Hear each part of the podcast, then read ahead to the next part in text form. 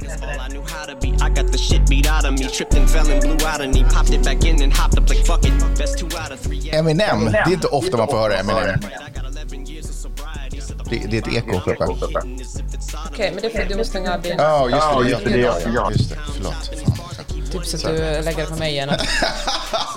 Eminem, Eminem Peppe i bakgrunden. Hur känns det? Nej, men det känns Är motvilligt du, bra. är du en stor Eminem-fan? Ja, men att vara en stor Eminem-fan, det är väl ändå att gå till överdrift. Okej, men, eh, finns, att jag finns det förresten grader av, finns det grader av fanskap? Det är ju givetvis finns det grader av fanskap. Mm, Okej, du hatar inte Eminem? Nej. Han är ju, eh, för det första så, jag är ju lite av en fan av Eminem. Jag, jag gillar ju hans lyrik. Alltså inte uppskattar, jag uppskattar väl inte innehållet, men hans förmåga att eh, trixa med ord. Ja, okej. Boomer-snack här.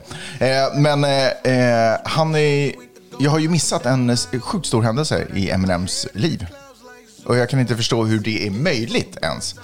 Eh, och så är han i hetluften nu igen. Alltså jag har missat en gammal nyhet och, nyhet och han är i hetluften igen. Okej, men ska vi ta intro och sen eh, får du berätta? Det här blev bara en trailer nu. Ja, det, det låter jättebra.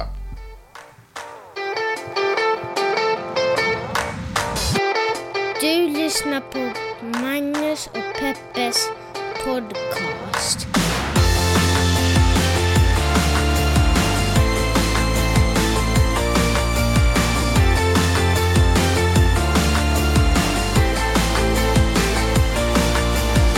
What up, what up, what up, what up? Hjärtligt välkomna till podcasten som heter Magnus och Peppes podcast. En liten podcast som sänds live på Clubhouse. What's up peeps? Framtiden. Alltså, så future. Peppe, fan det måste jag ändå ge dig. Örat mot marken har du.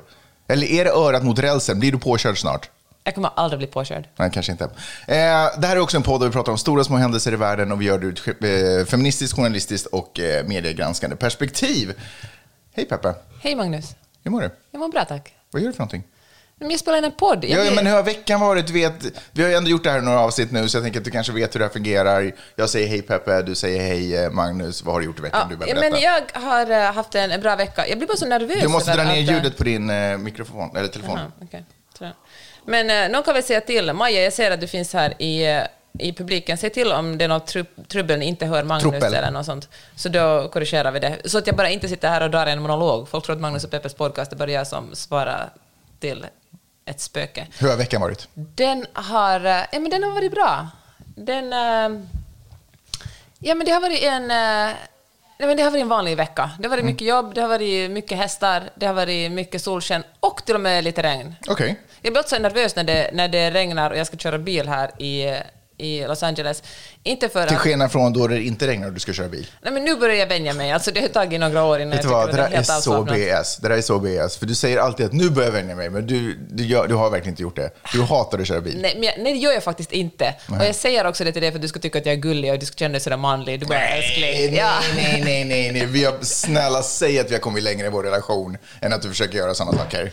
Nej men faktiskt, jag kan verkligen uppskatta det. Jag kan ju inte tycka att det är så jätteroligt att åka till ett nytt ställe och så är det vägarbeten överallt, springa coyotes över vägarna och folk är dåliga på att köra.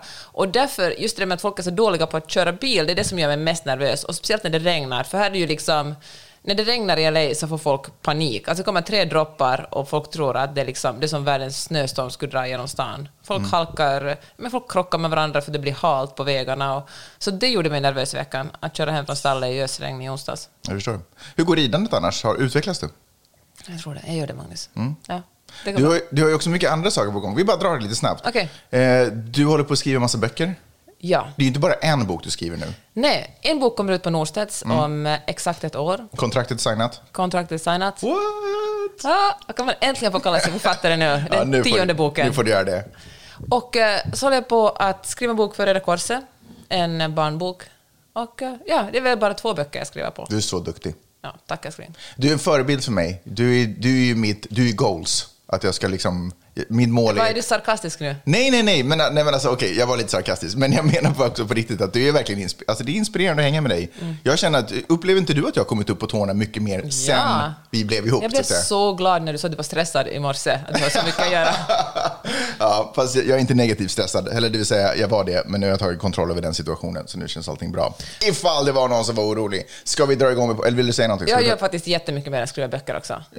är det, var det här din in, självinbjudan till vad du gör? Nej, nej, det behöver vi inte. Vi går in på ämnena istället. Okej, underbart.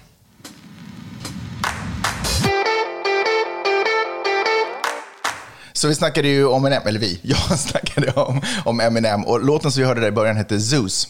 Och det är från hans eh, senaste skiva som heter B-Sides. Alltså han, han släppte en skiva i början på förra året som hette Music to be get murdered to, eller något sånt. Eh, och så gjorde han en sån här B-Sides Music to get murdered to.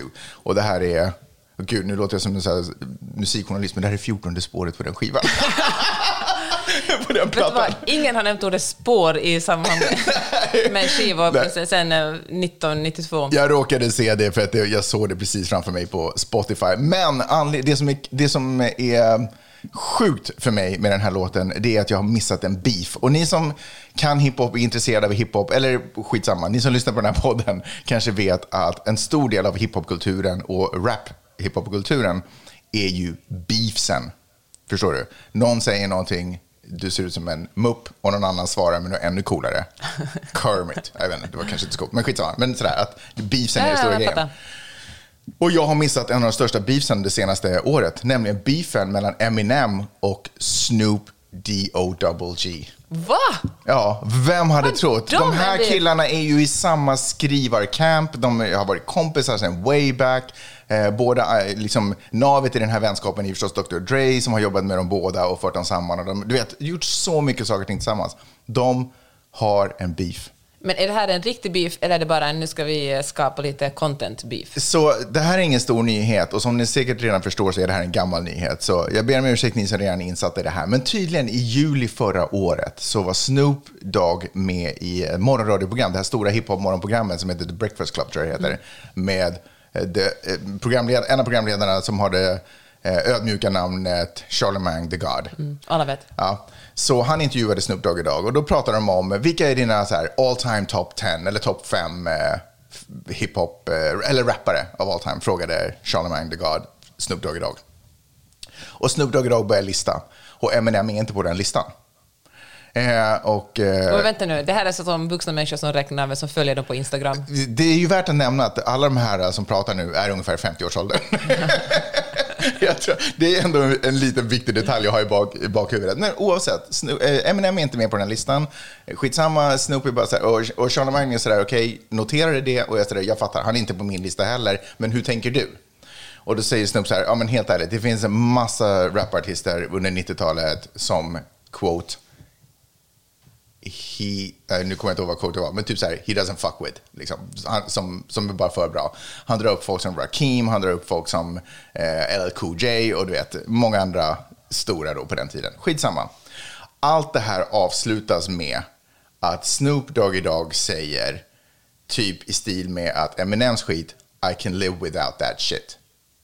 Okej. Inte okej för Eminem. Som på, i december, slutet på förra året, eh, släpper då B-sides och låten Zeus där han dissar Snoop Dogg idag. Där han säger så här, okej jag har fått många puncher, eh, puncher riktade mot mig, men jag trodde aldrig att det skulle komma från min egen camp. Eh, och helt plötsligt märker jag Snoop dogging me. och varpå då Snoop Dogg idag svarar med en, med en eh, eh, jag tror han gör en Insta-live eller Insta-story eller något sånt. Eh, där han har någon musik i bakgrunden som är sådär, eh, typ You don't wanna fuck with me. Eh, jag vet inte, någon sån här typ låt. Men alltså jag trodde, helt ärligt, för mig är det här underbart. För att jag har lite tappat koll. Det, det, det finns ju massa hiphoppare där ute, massa artister, nya generationens artister, du vet, Gen Zs artister. Eh, Tekashi och massa sådana typer som bara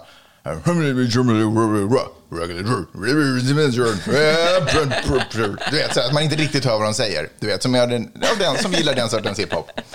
Eh, så jag trodde att beefen var död. Jag har inte kunnat följa med om det finns några nya beefer. Och jag trodde att de gamla var för gamla för att ha beefer. Då? Men då, då levererar de. Kanske de själva kände så. Är våra beefer döda? Kanske vi borde dra igång någon ny beef. Det finns ju få saker som får en att känna sig lika levande Ja. som att dra igång en ordentlig beef. Men I shit you not, jag, med jämna mellanrum så googlar jag typ så här Eminems eh, diss-songs. För att han har så jäkla grymma diss-låtar.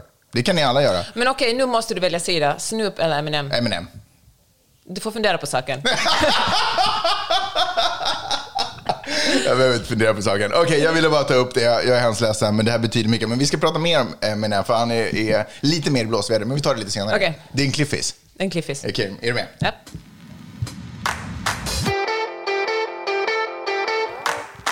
Jag vill tala om Andrew Cuomo, Ja. alltså guvernören i New York State. Det är ju, jag har ju tänkt på det sättet som du säger Cuomo på. Cuomo. Och nej, men det är ju, nu ansträngde jag mig jättemycket för att försöka få det att låta. Det är svårt att säga det. Om ni någonsin har försökt, om ni vill, om ni funderar på hur man gör för att låta finlandssvensk, säg Cuomo. För det går inte att säga på någonting annat än finlandssvenska. Det är ett namn designat för finlandssvenskar. Peppe Cuomo. Cuomo. Det går liksom... Cuomo. Det spelar ingen roll om du försöker säga Cuomo, det är fortfarande finskt. Det låter Ja. så finskt. Okej, så... Vackert med andra ord. New Yorks guvernör sa du. Ja, han är i, ute i snålblåsten eftersom han, han var ju otroligt älskad under, eh, ja, precis som Eminem och Snoop Dogg, Ja. han är i snålblåsten. Nej men eh, under eh, covid drabbades ju New York väldigt hårt. Alltså det var ju en av de första riktigt stora katastrofala städerna där utbrott, ja men folk dog som flugor om vi säger. Och, men Cuomo fanns där i motsats till Trump. Han liksom profilerade sig verkligen som en, en motpol till Trump. Han liksom gav till exempel presskonferenser och uh, kallade sig själv, eller man inte kallade honom att det var liksom New Yorks pappa. Man kunde komma, han gav liksom goda råd och var liksom, skötte sin delstat med faderlig hand. Och eh, han blev väldigt älskad, tror jag också delvis för att han profilerade sig som när han gjorde. New York är ju såklart en väldigt demokratisk delstat. Och eh, folk ville ha någon som kunde, de ville ha någon, en, en, eh, en figur att se upp till. Men han var ju lite sådär som man också ser på New Yorkare som skriker “What the fuck?” du vet, och, och tutar i bilar. Att han, liksom, han, han kept it real. Det var han rough love, liksom. Ja, han sa det som det var. Trump, bla bla bla, bla, bla, bla. så här gör vi det här. Det är liksom, du vet, the, sound, sådär, the voice of reason. Precis. Och, eh, och så gick det, och det gick ganska bra. Alltså, New York var djupt nere, men så repade de sig, började öppna skolor och liksom dödstalen steg. Tills det för några veckor sedan kom fram att uh, Cuomo hade lurats lite när han rapporterade hur många som hade dött på, på seniorhemmen. Det visade sig att den siffran var enormt mycket högre än den han hade rapporterat in. Just det. Just det. Han skrev förresten, han var så nöjd med sitt eget jobb att han skrev en bok om hur man hanterar en, en pandemi. Men var Som- kapitlet också, ge inte riktiga fakta. Ja, kanske. Och jag tycker det är så kaxigt att komma ut med en sån här bok innan liksom pandemin är så över. Att man bara gör det här fort. Hur som helst, då, var, då liksom det här såg man inte på blida ögon. Och när det kom fram det här, det fanns liksom en visselblåsare, då kom det fram att, att uh, Cuomo och Cuomos stab hade försökt tysta ner den här personen. Och att det är någonting som de har sysslat med. Alltså de är, som du säger, vet, så New Yorkare är ganska hårda, men att de också sysslar med lite sådär maffia, New York, lite Sopranos-metoder också. Att det. eh, säger att, att om du går fram och säger det här i offentligheten har vi en massa skit på dig som vi kommer att sprida till alla våra presskontakter. Så de har, det har varit liksom en, en, eh, en, så att säga, en hemlighet alla vet om att eh, man ska liksom inte bråka. Folk har liksom dragit sig för att bråka med, med Andrew Cuomo eftersom han, han slår tillbaka hårt. Just det. Och han är liksom ingen, han är ingen nykomling, han har suttit som guvernör väldigt länge och han kommer från en familj också där, där man har liksom jobbat inom politiken länge. Han, liksom, han är Men hans brorsa är väl, inte han CNN-ankare? Ja, hans brorsa, vi kommer till det. Ja, okej. Hold your horses, Oh, Magnus. krokig. Efter att det kom fram det här att han hade fuskat med siffrorna började det komma fram kvinnor som säger att han har, att Cuomo har trakasserat dem Just det, sexuellt. sexuellt trakassering. Ja, han har liksom suttit på, nå, på sin privatjet och pratat med någon ur sitt stab och föreslagit att de ska spela, att eh, de ska spela strippoker. Så han, Oj, shit, så pass? Ja, och eh, så han snackade med någon 24-åring, han är ju själv eh, född 57, snackade med 24-åringen om hur han, om hon har något problem med att ha pojkvänner som är mycket äldre och eh, hur han själv kan tänka sig en 22-åring. Där drar han gränsen. Och, eh, och, när han, och då kom fram, först kom det en, så kom det två, nu är det som tre kvinnor som anklagar honom för opassande beteende. Och, eh, och det här liksom sammantaget, det ser, det, det ser inte så bra ut för Andrew Cuomo. Nej. Och uh, till saken hör att under, sin, under sin... Det har gått som bäst för honom. Han har gästat CNN och sin brorsas show väldigt många gånger. Och hans Chris Cuomo, som är hans lillebror, beundrar sin storebror väldigt mycket. Det har alltid varit väldigt mycket kärlek på scenen. Det var liksom I love you now, I love you more. Och liksom Chris har varit sådär, det här är du den bästa guvernören en människa kan ha. En människa kan ha. Ja. Roligt sagt. Och eh, det har varit, ja, men liksom, han har fått mycket bra PR under, under liksom, på något sätt devisen det här är CNN, vi gör journalistik. Jag fattar. Och, men nu när, eh, när brorsan, storebrorsan det inte går så bra för honom, nu säger Chris Cuomo att hans journalistiska, alltså hans, han, et- etikmässigt, hans journalistiska etik går inte ihop med att intervjua sin brorsa, så att han väljer att stiga åt sidan. Så det går bra liksom att, att, eh, att hylla honom och lyfta fram honom när det går, när det går bra för honom, men när han det går dåligt, ja, när det går nu får dåligt. han inte vara med. Och, eh, så nu, nu får vi se hur det går för honom, för det här är ju också någonting som Republikanerna har gottat sig åt. Att Demokraterna som, som är så himla nöjda med sitt moraliska leverne och att de ska göra allting rätt. Och så kommer det här någon som inte bara, inte bara fuskar med siffror kring, kring pandemin, utan som dessutom också visar sig vara en, liksom en, en, sexuell, en person som sexuella, trakasserar kvinnor sexuellt. Du har inga frågor på det här? Eh, Då fortsätter jag. Ja, nej, men eh, precis. Nej, jag har inga frågor just nu. Och för att ta det ännu ett steg vidare, hur, för det, som sagt så är det många som har vetat att, Chris, att eh, Andrew Cuomo har jobbat på det här sättet, att han har varit en bully, att han har liksom han har haft ett, ett eh, gott öga till unga kvinnor och liksom inte dragit sig från att säga vad han tycker om dem. Men ingen har riktigt kommit fram och han har haft liksom en, en eh, ja, men han har haft mycket makt. Men alltså, är han lite trumpig alltså, eller vadå? Han är lite trumpig, men han liksom gör det på ett mer raffinerat sätt. Liksom han, eh, han har ändå på något sätt varit älskad och han har varit demokrat, så han har kanske varit bättre på att säga rätt saker. Okej. Och då lyssnade jag igår på en jättebra podcast som heter On the Media, som bekräftar det vi har talat om tidigare här, i den här podden. Vi brukar också prata om, vi brukar ofta tala om, om TV-nyheter i USA och, eh, och press, alltså skriv, skrivna nyheter i USA. Och eh, de här eh, CNN, Fox News, MSNBC, deras, eh, deras vad heter det, de fungerar så här. De pumpar ut nyheter hela tiden. Det är inte så mycket djupgående reportage, det är inte så mycket analys. Det är liksom billiga nyheter och billigast nyheter gör man att bjuda in folk, som till exempel sin brorsa in i studion och prata med den här brorsan och eh, sen komma med stora nyheter. Titta, vi har guvernören i nyheterna. Eller breaking news, den här olyckan har hänt här. Breaking news, den här olyckan har hänt där. Det är liksom breaking news 24 timmar om dagen precis. och Ja. med reklam och det är otroligt lukrativt. De gör ju otroligt mycket pengar, de här, eh, de här kanalerna. Medan den, eh, och, och här, har liksom, här har man bara sett den här charmiga versionen. Här har man sett liksom den charmiga versionen av, eh, av eh, Andrew Cuomo, precis som man har sett den charmiga versionen av Trump på Fox News. Alltså, man har byggt ett slags fandom omkring honom. Man har hört de andra programledarna, ankarna, säga snälla saker om den här personen. Man har hört den här personen skoja i TV och vara lite, kanske vara lite fräck, men ändå en härlig person mer person än en politiker som ska bli granskad. Men går man och läser Washington Post eller New York Times, eller det, det segmentet av, av nyhetskonsumenter som har läst tidningarna, för dem är det här inget nytt. För i den skrivna medien, där kan man vara mer analytisk och mer, och mer skriva ett mer reportage, tala. I TV har man ju heller aldrig liksom anonyma liksom sources, käll, anonyma källor. Men i tidningarna kan man tala med folk som kanske men som jobbar bild, nära och som, som kan ge liksom en, och en mer heltäckande bild av den här personen. Det är en sak att, att berätta om hur en person är genom att ha den bredvid sig i studion, än att tala med en massa människor som jobbar kring den här personen och be dem rapportera om hur den här personen är. Så att det finns ett segment eh, Alltså nyhetskonsumenter som är sådär, ja men alla vet väl det här om, om Andrew Cuomo, alltså alla vet att han är en bully. Medan de som bara följer med TV-nyheter är sådär att men herregud, det är ju vår stora ledare, det är liksom New York States stora ledare. Han är väl absolut inte sån. Och det, men det, det visar ju det som vi har pratat om tidigare i podden också, hur nyhetsmedia här nästan är mer, eh, mer likt underhållning än vad det är egentligen journalistik. Eh, just på grund av de här bulletins och, den här, och, och den här, det akuta värdet hela tiden. Eller man försöker sälja eh, eh, det akuta i det hela tiden på något sätt. Det var, ju, det var ju det som Fox News satsar väldigt mycket på också. De är ju liksom en, en, en, mer högerkanal, som alla vet, än en, Mm. en, en, en MSNBC och CNN. Men de satsar ju väldigt mycket på Trump och att få med sig de här personerna. Alltså helt enkelt bygga upp liksom storyn kring Trump, bygga upp den här personen som folk kunde, som man ville följa med och, och liksom titta på.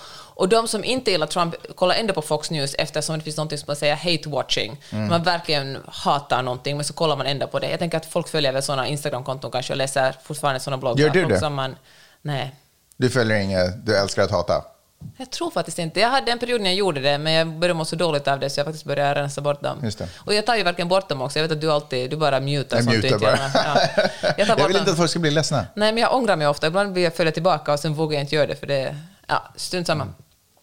Men, eh, men jag menar, det hela liksom, vad heter hela idén, vad, vad heter det när man har liksom en, en, en Strategin. Ja, en strategi liksom för att tjäna pengar är ju det här Mm. att snabba nyheter, fandom, gilla ha en person som... Jag menar Fox News, det var till och med spekulationer kring att, att Fox News skulle ha kvar Trump i ett segment efter att han förlorar valet eftersom han skulle få så flera miljoner Mm. för det. Bara om de ploppar fram då och då på Fox News eftersom han drar så otroligt många tittare. Mm, Men efter att, det- att den här mobben stormar Kapitolium den 6 januari så bestämde sig till och med Fox News för att det, blir för, det Mm. går liksom inte. Det, Som FBI-chefen har klassificerat som eh, domestic terrorism. Ja, men det är ju exakt vad det var. Ja, men hör du, det som jag också tycker är intressant med är hur viktigt det är att det här sköts eh, rätt och riktigt från Demokraternas sida.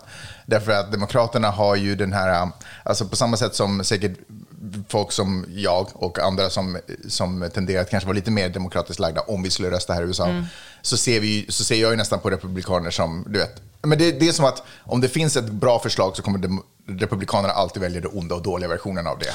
Förstår du? Så det är nästan den, det är den utgångspunkten jag har. Och på samma sätt så tycker ju republikanerna, nidbilden av demokraterna är just det här att eh, de gör alltid allting De är rätt. så präktiga. Sjukt PK. Vattenkammade ja, och- Verkligen, och, och otroligt PK. Man får inte säga någonting och bla bla bla bla. bla. Eh, och då är det, men samtidigt, så bakom kulisserna, och det här är också liksom det, den eh, bilden som republikanerna har, bakom kulisserna så är de lika skitiga som alla andra. Men de bara, de döljer det, de tar hand om sina läppstift egna. på en gris liksom. Precis, de tar hand om sina egna och de fixar alltihopa och sådär. Eh, så jag tror att om...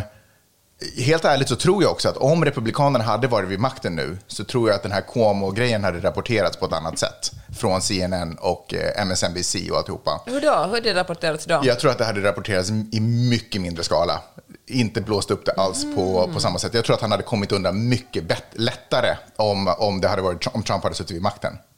Vet du vad? Ja. Får jag bara säga en Ja. sak? Eh, Men därför tror jag just nu när Demokraterna är i makten att det är viktigt för dem att visa att de är ett rättvist parti. Mm. Och därför tror jag att de lyfter, jag tror att han kommer, han blir också lite, jag menar jag tror inte att han är den enda politikern som gör skumma saker eller som beter sig liksom, Men det är så otroligt korrumperat det men, precis. landet. men nu blir han den som man lyfter upp och gör ett exempel av. Fast tror jag. vad? Jag tror faktiskt inte. Jag läste precis en, en analys i The Atlantic. Ja, vänta, så är det du som tror eller är det analytikern i Atlantic?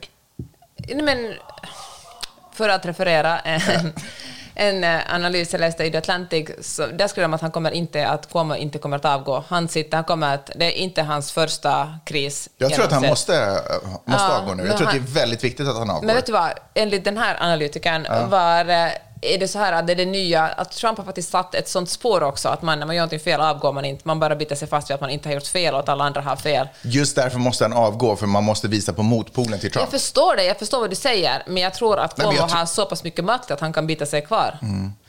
Ja, det gör ju bara honom till en Trump och det kommer ju bara ge, eh, det kommer bara ge Republikanerna mer Sant. bensin på... Men tänk om hela det politiska landskapet är så omgjort, alltså det är så ommöblerat, Mm. att det här är verkligen det nya, det är så här vi fungerar nu för tiden. Alltså, och folk kommer, du vet hur man, vänjer, alltså man långsamt vänjer sig. Förr var det så att man måste avgå, men nu för tiden är det så att man bara, man säger nej, det är ni som har fel, jag tänker inte avgå, och så bara sitter man kvar. Vi får se. Tragiskt. Vi får se. Vi får, vi får se.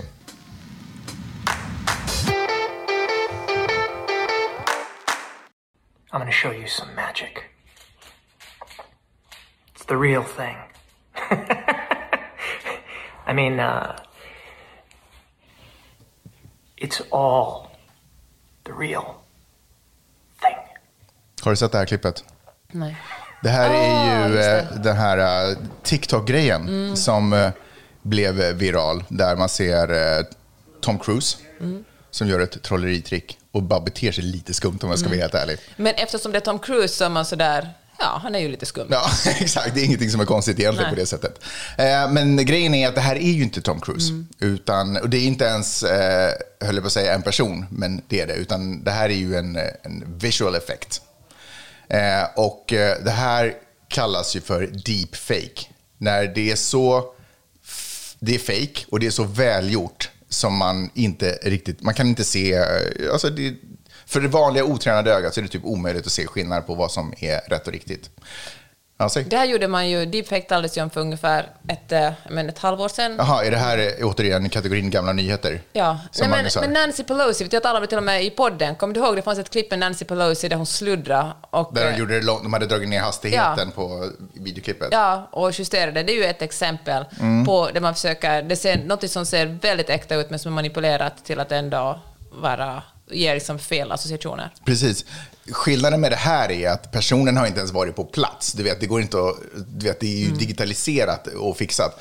Eh, Och det här är ju sjukt, eh, sjukt skrämmande. Det här är gjort av en, en belgisk dude som heter Chris Ume. Tillsammans med en eh, Tom Cruise, vad heter det, In, inter, alltså, imitatör. Eh, som heter Miles Fisher. Eh, och det tog lång tid, innan, eller det tog ett tag innan de kom ut och var så här, hej det här är, det här är alltså inte på riktigt utan det är vi. För folk var så här, är det här på riktigt och vad är det som händer? Men problemet, alltså det som det har, de, det, det, skräcken i det här, som egentligen gör att man blir, alltså jag blir superrädd för det här, där inte bara med att man kan få folk att säga saker som de inte har sagt. Eh, det finns ett klipp också där, du vet, vi håller ju på att kolla på så här, två komiker, eh, Peel, Key and. Key and Peele. Och en av dem kan ju göra Obamas röst. Mm. Och det finns också ett videoklipp där, han, där, man, har, där man har fått Obama, typ, alltså riktiga Obama, eh, fast med, med den här imitatörens röst. Så att eh, man kan få liksom politiker att göra de här sakerna också. Och det är ju en sak att få politiker att säga saker som de inte har sagt. Men om vi till exempel tittar på den här, precis som det här som du pratade om, att förnekelsen, att vi lever i en ny värld, en ny värld där man kan förneka som politiker som Trump har skapat. Vilka möjligheter det ger till exempel för en man som Donald Trump att säga nej, jag har aldrig sagt det där. Mm. Det där är deepfake. Men eh, det måste man ju säga, jag- läste en, intervju med de här, eh, nu kommer jag inte ihåg vad han hette, den belgaren på The Verge. Chris. med. Chris Ome på Verge. Och eh, där sa han att man skulle inte tro att det här är än så länge åtminstone någonting som man bara trycker på som en app och sen får man folk att säga precis vad de vill att de ska säga. Mm. Utan Tom Cruise på TikTok är ju någonting som de har jobbat med i månader och månader och använt eh, liksom, jätteavancerad teknologi. Det är Mm. liksom inte, det är inte någonting som, eh, som funkar vem som helst. åtminstone än 100 så länge. procent.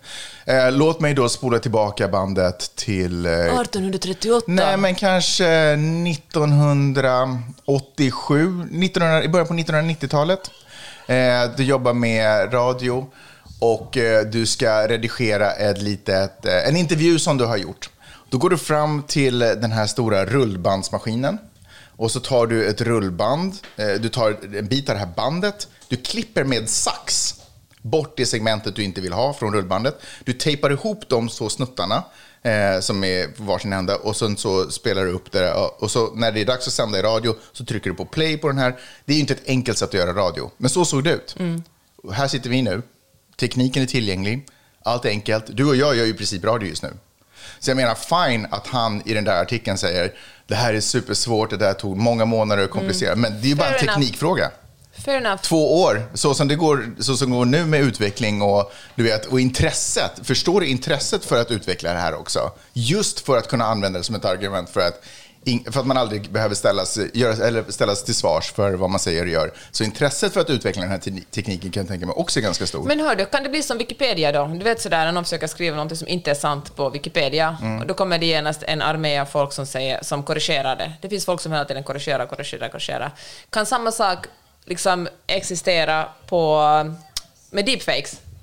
Ja, det kan det. Nej, eller, att det eller kommer folk kan att det säga här är original, här är originalvideon, det där är fake. Fine. Och så, men problemet är, tänk dig det här scenariot. Kommer du ihåg när Obama skulle väljas till president och man snackade om Rysslands eh, eh attack mot eh, liksom, det amerikanska systemet där de skickade ut, eller du vet, det satt någon hacker i Georgia och, och vad heter det, eh, hittade på artiklar som de satt ut på Facebook och sådana saker.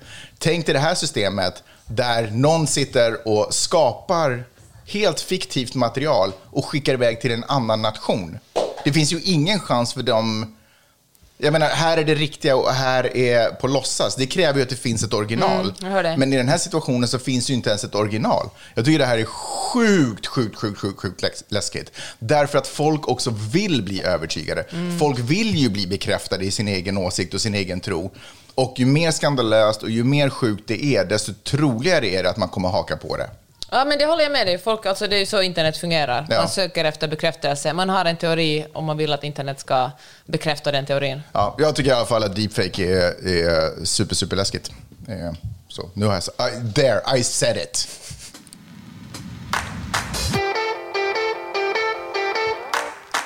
Du vet eh, hur du för en stund sedan sa Hesa? Ja.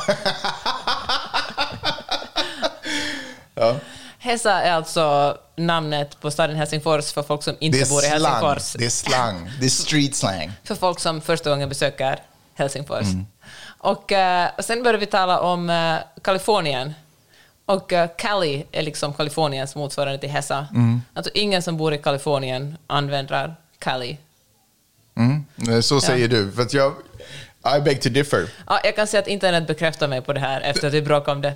Kan du, kan du inte läsa upp vad, vad internet sa? Men med, med, medan du retar fram det, så det känns som att jag ser en trend i de här två sakerna. För att tror jag ändå var någonting som kanske sades på 60-talet av Helsingforsbor. Finlandssvenska Helsingfors, Helsingforsbor. Men det är just på grund av att det är så gammalt och så mycket tid har gått som att det känns inte trovärdigt att, att säga det som Helsingforsbor nu, så att säga. Och samma sak, Cali. Jag är ganska säker på att Tupac en hel del gånger har använt ordet Cali i sina raptexter. Men det var för så länge sedan, så nu är det bara inte coolt och accepterat längre. Men vad säger internet om att använda ordet Los Cali? Angeles Times säger “Don't call us Cali, we're California”. Thank you. Ja, fine, fair enough. Ehm, 08 i Sverige, i Stockholm. Folk som kommer in och säger 08, det är sjukt irriterande. Men existerar de ännu? Är det verkligen en... Nej, men det är det jag menar. Jag tror att det här är så här gamla tidens, liksom, man måste låta bygons bli bygons and so on and so on. Varför kom vi in på det här ens? Jag vet inte, jag ville bara säga det. Jag Okej. tyckte det var roligt. Okej, vi går vidare.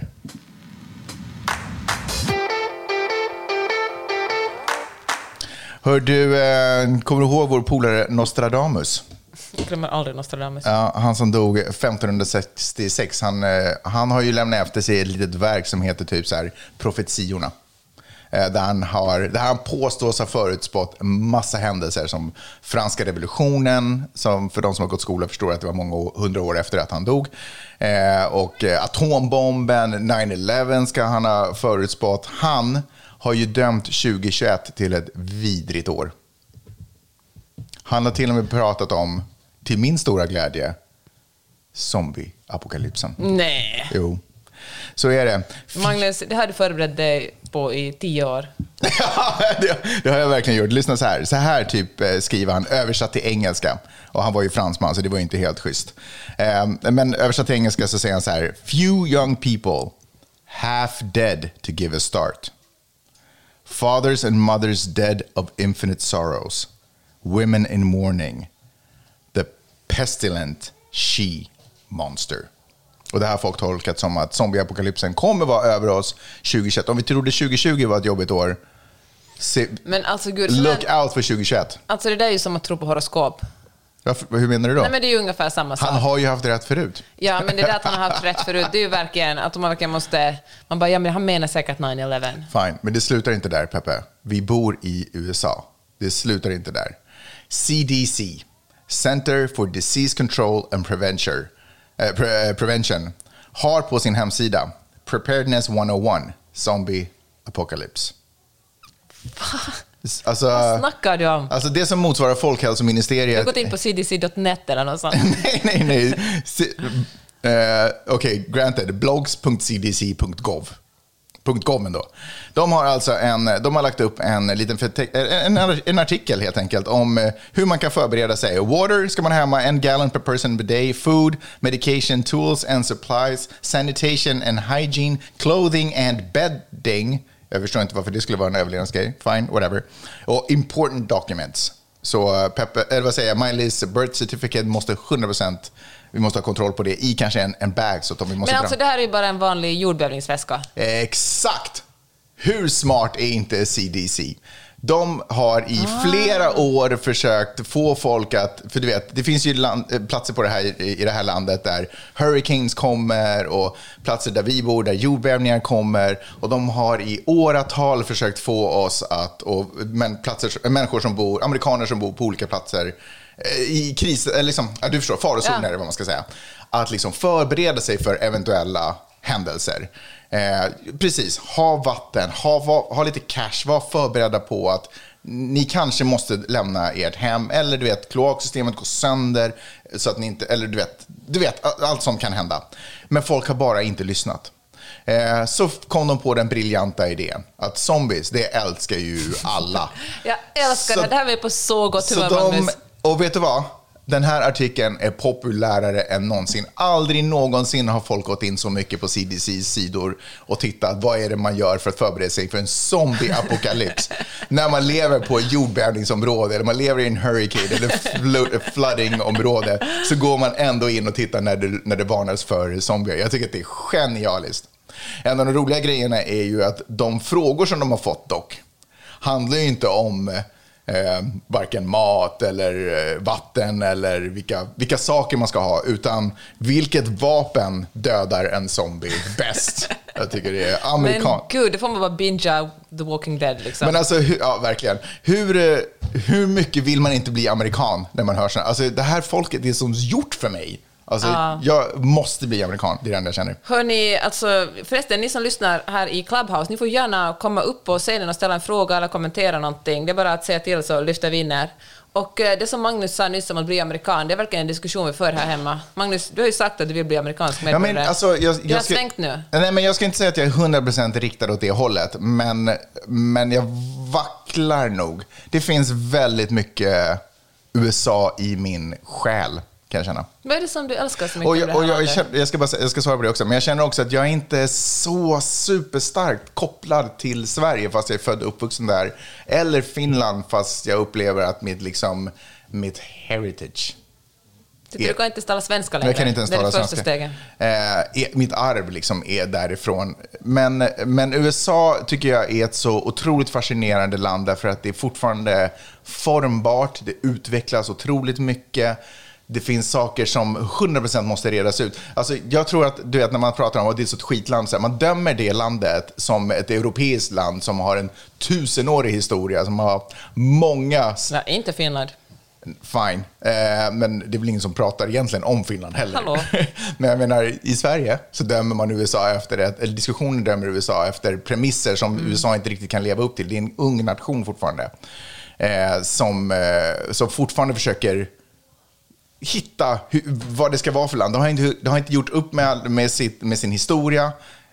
Fast vad fan, det där håller jag verkligen inte med om. Alltså USA har ju haft tid på sig att, eh, att eh, liksom styra upp skiten. Jo, jo, jo, det är klart att det, det, är klart att det har haft, men inte samma tid som till exempel eh, Frankrike har haft. Ja, ja, men, nej, men jag tycker snarare det här att USAs problem är ju att det är så otroligt korrupt, men vägrar acceptera. USA, liksom, USA är så jävla självgott. Alltså och- eller- Nej, jag tycker inte alls det. Jag tycker USA är otroligt självkritiskt. Sverige tycker jag är ett självgott land. Det finns ingen självkritik alls där. Det finns klagan och tankar om var, vad som är dåligt och vad som är bra, men det finns egentligen ingen... Det finns en otroligt låg drivkraft till att liksom på riktigt göra någonting åt saken. I det här landet kan du ha Obama ena dagen som president och Trump andra dagen som president. Det finns en otrolig förändringsförmåga i det här landet om du bara har vilja Men och vänta passion. lite, hur mycket förändras det egentligen? Jag ser att det finns otroliga eldsjälar. Det finns liksom AOC, det finns Ted Cruz, det finns Obama, det finns Trump. Det finns liksom, allt finns samtidigt och kontrasterna också i naturen och liksom hur olika delstater ser ut, hur människorna är ju enormt stora. Men förändring, fan det vet jag faktiskt Vad inte. pratar du om? Alla, alla laggrejer som gick igenom under Trumps tid, det har ju förödande effekter på, på stora delar av den här befolkningen. Det har det, men så kommer Joe Biden och sen... Och så kan man fixa tillbaka Ja, det. är men, det är ju, men är det verkligen en förändring? Det är ju fram och tillbaka. Ja, men det finns ju förändringsmöjligheter. Ja, 100% så kan man påverka. det är stora kast, tänker jag. Nej men, nej, men jag tycker att det där är ju ett, ett bevis på att det går att förändra saker. Eh, det finns visserligen en tröghet i systemet. Man röstar olika för senaten och, och kongressen. För, Det finns bara två partier. Ja, men alltså det är, finns två partier, men det är inte så att det inte skulle vara lagligt att ha fler partier, men landet har liksom lite fastnat in i den fåran. Men jag kan mycket väl tänka mig att det skulle kunna bildas ett tredje parti så småningom, bara det får tillräckligt med följarskara. Fan vet jag, men jag bara känner att det är otroligt möjligt. Demokratin i Sverige är ju sjukt väl utformad, men den är ju så stabil nu så att det finns ju ingen, alltså spelar det på riktigt roll om Moderaterna är i makten eller Socialdemokraterna är i makten? Spelar det på riktigt någon roll? Är det, är det plötsligt Ja, så... men det gör det. Nej men kolla, på nivån att sådär, får, får homosexuella gifta sig plötsligt? Får... Eh, Nej, men abortfrågan, Ja, men är det så att Socialdemokraterna, då är den där, Moderaterna, då försvann den. Alltså, det är, ju- så är det ju inte. Det är ju otroligt stabilt. Vi betalar ju, företag kanske beskatt, beskattas lite högre, men generellt som individ så ingenting händer. Det är ju exakt samma grej. För att vi har ett ganska välfungerande system. Det är liksom detaljer man putsar lite i kanterna. Och det är ju bra. Det är ju superbra på många sätt. Men känslan av att jag kan vara med och påverka är Fast ju... vet du vad, nu har du bara gått på den amerikanska drömmen. Alltså, du kan verkligen, Gått på den? Ja, men du verkar sugits in i det amerikanska PR-maskineriet. Liksom. Eller du har lurats av det amerikanska PR-maskineriet. Det finns ju... Alltså, det här är verkligen ett land för dem som det går bra för. Mm. Och de kanske, om, om det går jättebra för dig, då kan du verkligen påverka. Om det går helt okej bra för dig, fine, då kan du bara sitta lugnt i båten och hoppas, hålla tummarna för att ingenting händer. Om du, inte, om du startar från noll, då, fan, då får du det jobbigt. Det, Ja, vi, ja, men det är så, jag håller inte... Så här, eh, vi, vi kör ju live nu på Clubhouse. Eh, är det någon där som, jag vet inte, förstår vad jag säger, också vill bli amerikan eller funderar på att bli det? Jag har inte bestämt mig 100 procent. Egentligen så skit alltså helt ärligt, min nationalitet, alltså det är, inte, det är lite hittepå för mig, ja, nationalitet. det kan jag för en gång skulle hålla med dig om. Alltså, nationalitet där, det är verkligen hittepå. Men jag skulle tycka det var kul för jag skulle känna att min, eh, min förmåga att vara med och påverka och styra skulle vara på... Det, det, min känsla av det är, skulle vara annorlunda här. Det kan jag också hålla med om. Bor man i ett land Så du håller med mig om allt, länge- men du vill bara tjafsa? Ja. Nej, det håller jag nej, men du sa många dumheter också. Jag ska bara... jag försöker bara ta fram det som är, som Okej. är det korrekta, liksom viska fram guldkornen. Va- Vaska fram guldkornen, viska fram små guldkorn. Vaska fram den. Och, eh, men jag säger alltså, bor man länge på en plats Ja. ska man ju verkligen eh, på, vara med och påverka. Då ska man ju rösta och vara en del av det demokratiska systemet. Jag menar inte det att man ska känna, vi har ju kompisar som inte röstar för de tycker att det är så att... Röstar eh, smesta. Ja, men precis. De är Och de är påverka. rika, så de skiter i. Ja. Vänta, nu ploppade upp en hand här. Den ska vi... Det är Laura. Yes. Okej, Välko- Hej! hör vi Laura? Yes! Min Ja. första, min Hej! första kommentar på Clubhouse någonsin. Oh, fan kul! Berätta, vad tänker du? Jag, fun- jag funderar på det här att hur mycket, Magnus, beror den här viljan att bli amerikan på det att, att det kanske ska vara enklare att bo där och du ska få bättre påverkningsmöjligheter om du faktiskt var medborgare? Och hur mycket är det bara liksom kulturellt att, att här hör du hemma? Alltså jag måste nog kanske säga att eh, jag upplever att det är läskigare. Alltså jag, jag förstår ju inte till 100% det amerikanska systemet när det kommer till liksom, eh, byråkratin runt här. Och sen så har jag också hört rykten om du vet, har man, blir man amerikan då är man för evigt skatteskyldig i USA. Alltså allt, det- verkar väldigt läskigt liksom, på något sätt, just av den, ur den aspekten. Så jag skulle nog kanske inte säga eh, att, att jag skulle vilja bli amerikan för att jag tror att det blir enklare. Med det sagt, så någonstans så tror jag att när jag väl har förstått alltihopa så skulle, skulle det vara enklare. Men initialt nu så här så, jag, så känner jag nog kanske att det är nog ändå trots allt mer kulturellt för mig.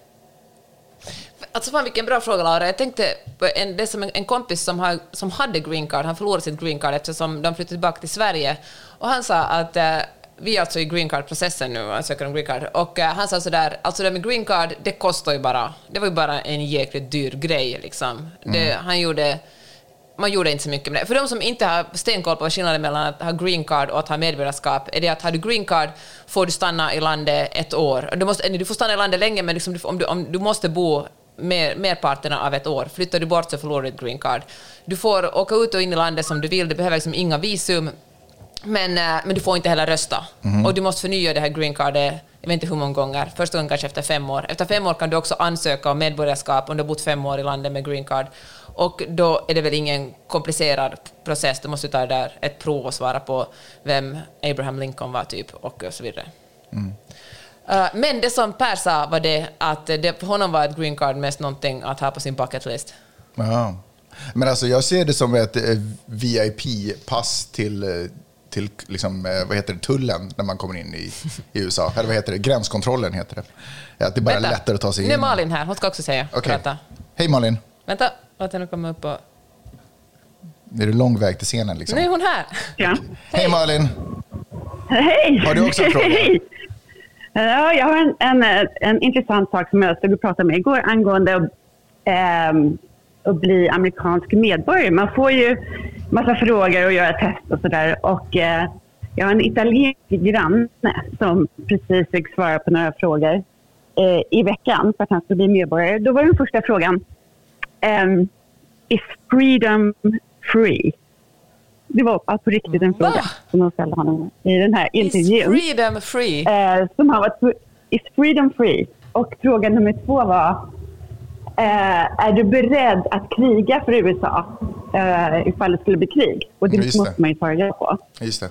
Och ha, eftersom han är italienare så frågar de honom Are you willing to go to war against Italy? Och han bara, vad är det ni frågar om? Så de frågar, vad skulle ni svara på, vad skulle ni svara på dem? Alltså, grym. A. Tack för insikten i frågor. Det är bra att förbereda sig inför mitt test som jag kommer göra då om några år.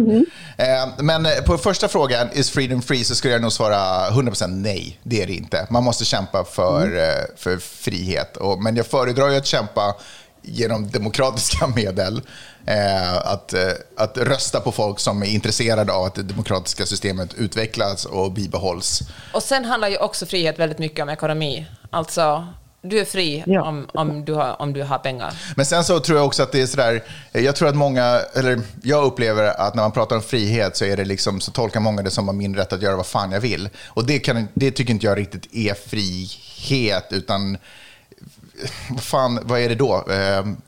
Jag tycker, på något sätt så måste det finnas någon form av riktning i frihet och syfte med friheten. Men att det ändå är ett kollektivt ansvar vi tar för den friheten. Att det inte är min personliga frihet, utan det är att vi alla på något sätt ska kunna leva i, ett bättre, i en skyddad och bättre värld. på något sätt. Men jag tycker tänker att i längden är de ju inte alls motsatser. Alltså om du är fri, då, du, du är mycket friare om du lever på ett område med låg kriminalitet, där du kan känna att du kan gå ut på gatan utan att bli rånad.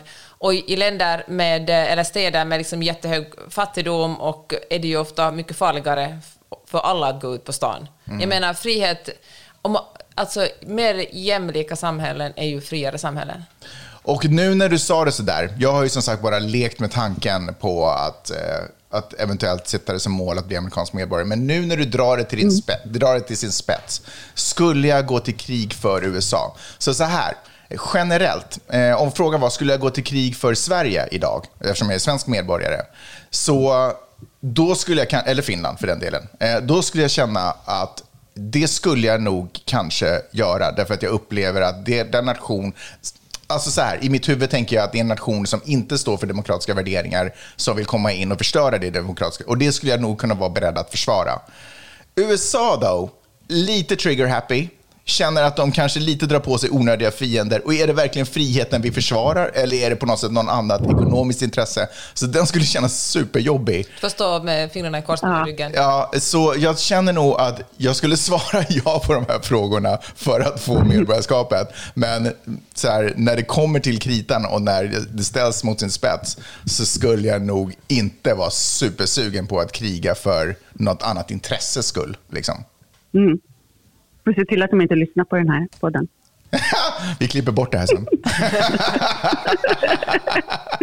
ja, men vet du vad, jag tror också helt ärligt sådär, att om, om jag skulle få frågan eh, under gör te- liksom det här testet, det här intervjutillfället, och de bara, skulle du gå till krig mot Sverige? Så skulle jag nog säga nej. Och sen skulle jag inte få medborgarskapet. Ja. Jag tror att jag skulle vara tvungen att göra det om jag får frågan. Jaha. Nej, men jag, ska, jag- vill inte stå... Liksom, Hur gärna vill du bli amerikan? så här, om vi ska bli ihop, då måste vi bli det på rätt premisser. Jag är, vill jag ge mycket till det här landet, men kom, håll inte på att snacka om att, vi måste, att jag måste ta, ha igen, Men du kommer ju säkert att få den frågan. att jag måste gå i konflikt med min familj, liksom, eller min släkt. Det går ju inte. Sluta. Ja, fast Ain't gonna fly, Men bro. Vänta lite, du, du pratar ju faktiskt inte med din pappa på tio år. Nej, men jag menar metaforiskt. Sverige är ju ändå mitt moderland, liksom, fast inte ens det. Men du vet, förstår vad jag menar. Ja, skitsamma. Du, supergrymt. Tack för Så frågan. härligt man att ha dig med här. Ja, nu känner jag... ja, detsamma. Ja, Peppe? Nej men du känner jag vill ta vilken lyssnarfråga på, på, över Facebook. Ja, men innan. kan jag få slänga in en liten uh, Ja, jingle ja. här emellan? Ja, ja. Okej.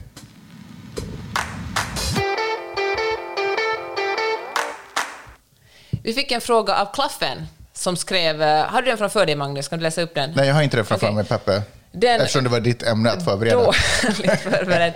Okej, men Klaffen äh, fråga om det här vi snackar om kvinnohat. Ja. Och när han säger att vi snackar om det, det är väl mest jag som tjatar om kvinnohat hela tiden i den här podden. Ja. Och han skrev, förlåt Klaffen om jag parafraserar nu, men han skrev så här att han känner ingen man som hatar kvinnor. Nej, vad är, vad är snacket med hata kvinnor? Var kommer Ja. det ifrån? Det är väl ingen människa som går omkring och hatar?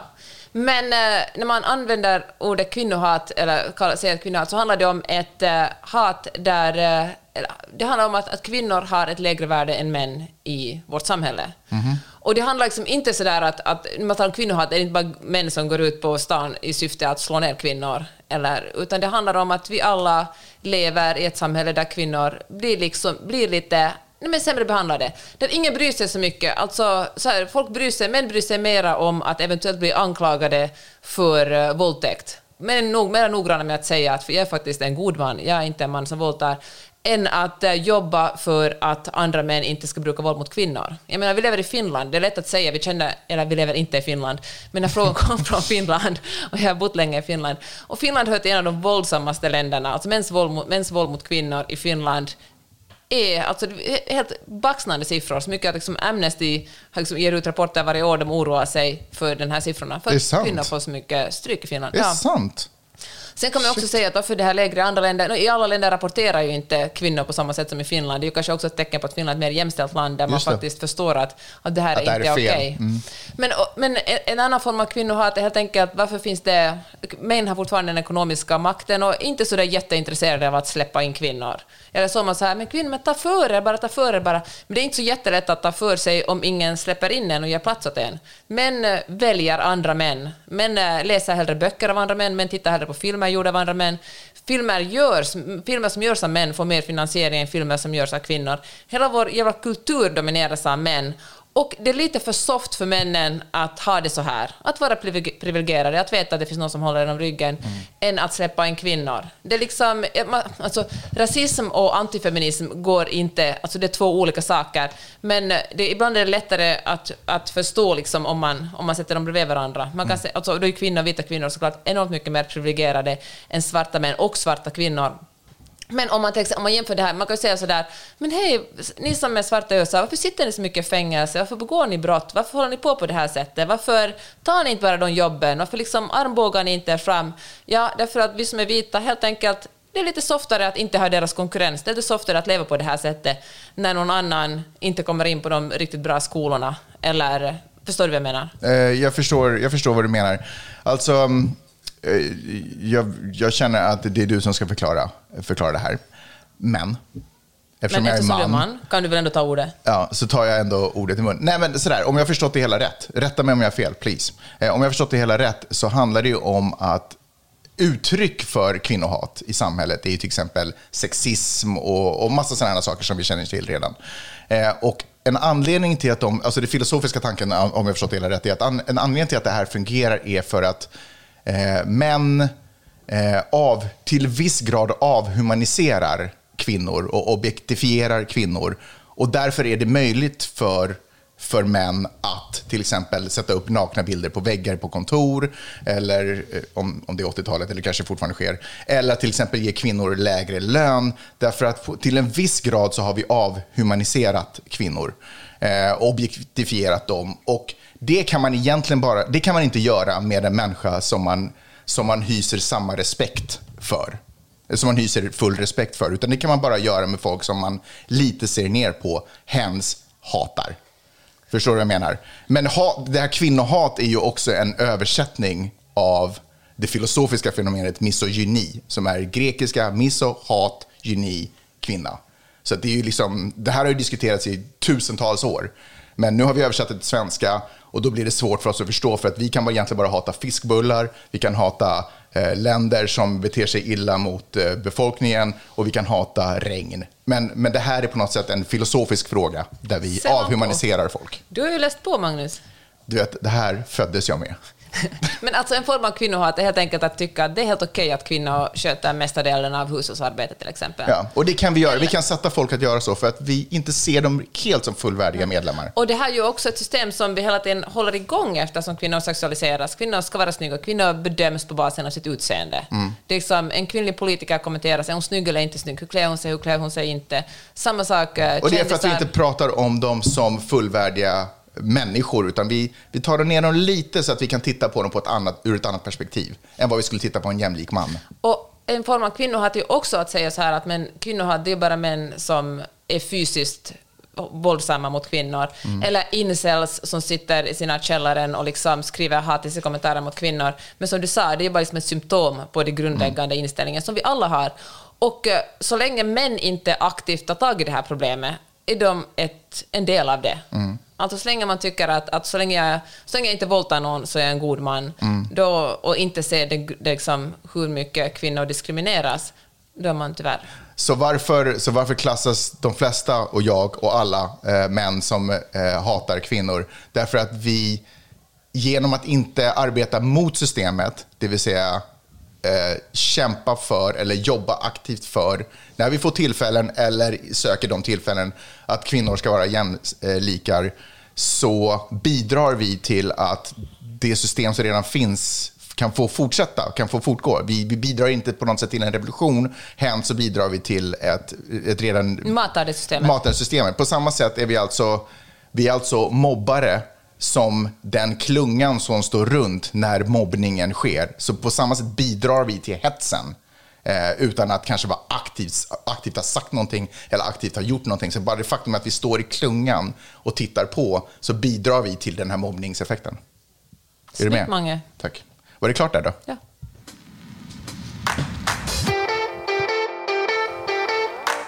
Jag har ett sista ämne. Nu börjar ju tiden rinna ut. Vi har hållit på sjukligt. Alltså, är folk kvar i Clubhouse? Jag ser inte. Ja. Otroligt. Fan vad kul att ni är med oss. Varje lördag så tänkte att vi, eller tänkte jag, tänkte vi att vi Ja. kör vid den här tidpunkten. Så vi får lite regelbundenhet och ni kan planera in i era liv efter det.